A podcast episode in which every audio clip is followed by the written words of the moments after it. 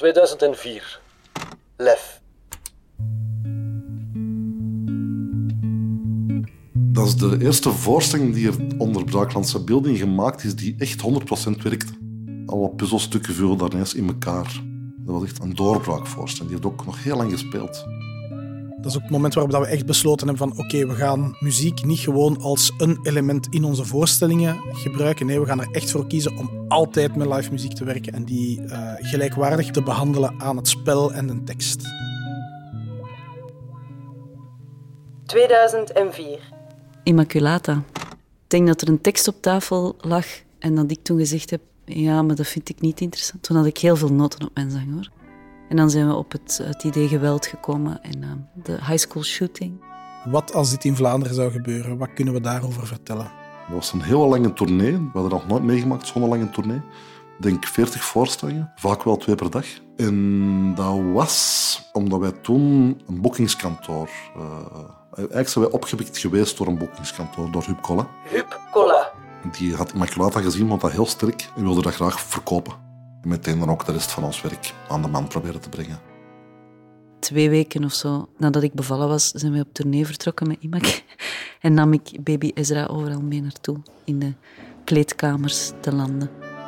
Daar bestaan een paar heel goede foto's van trouwens. Van ik die borstvoeding geef in een kleedkamer in mijn kostuum.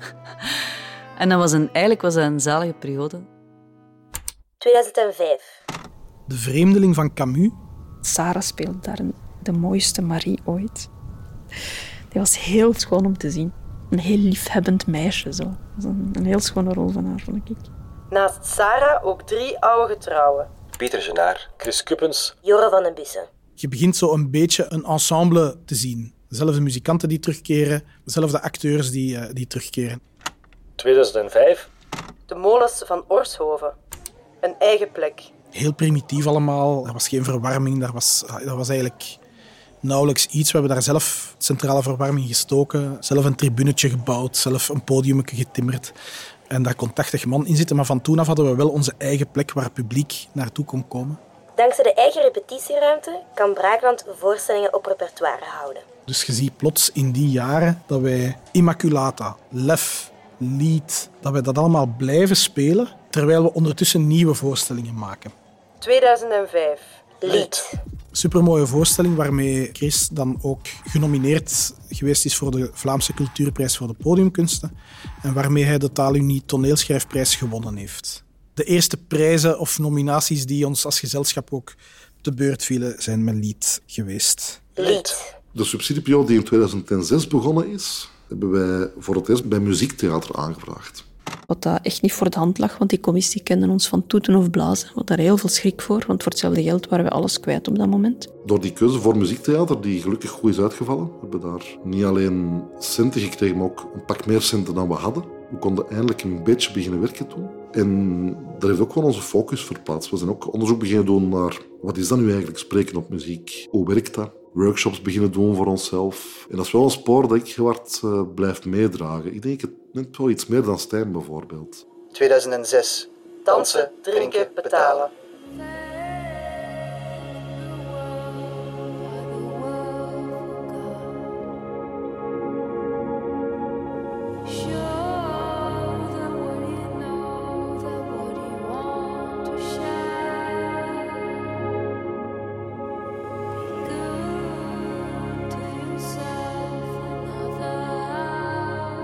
Dat was echt een, bijna een concertopstelling. Bijna een rockband met een liedzangeres. En dat was dan ik. En daar hebben wij ook in de muziekclubs en zo mee gespeeld. Wat dat wel fijn was. Zo. In de Tricks in Antwerpen en de 4ID. Als voorprogramma van een rockband en zo. Daar voelde zo die poging om uit dat klassieke theater stramien te stappen en een andere vorm aan te gaan. Waar we nog steeds mee bezig zijn of naar op zoek zijn. Dat zeker niet voltooid is of zo.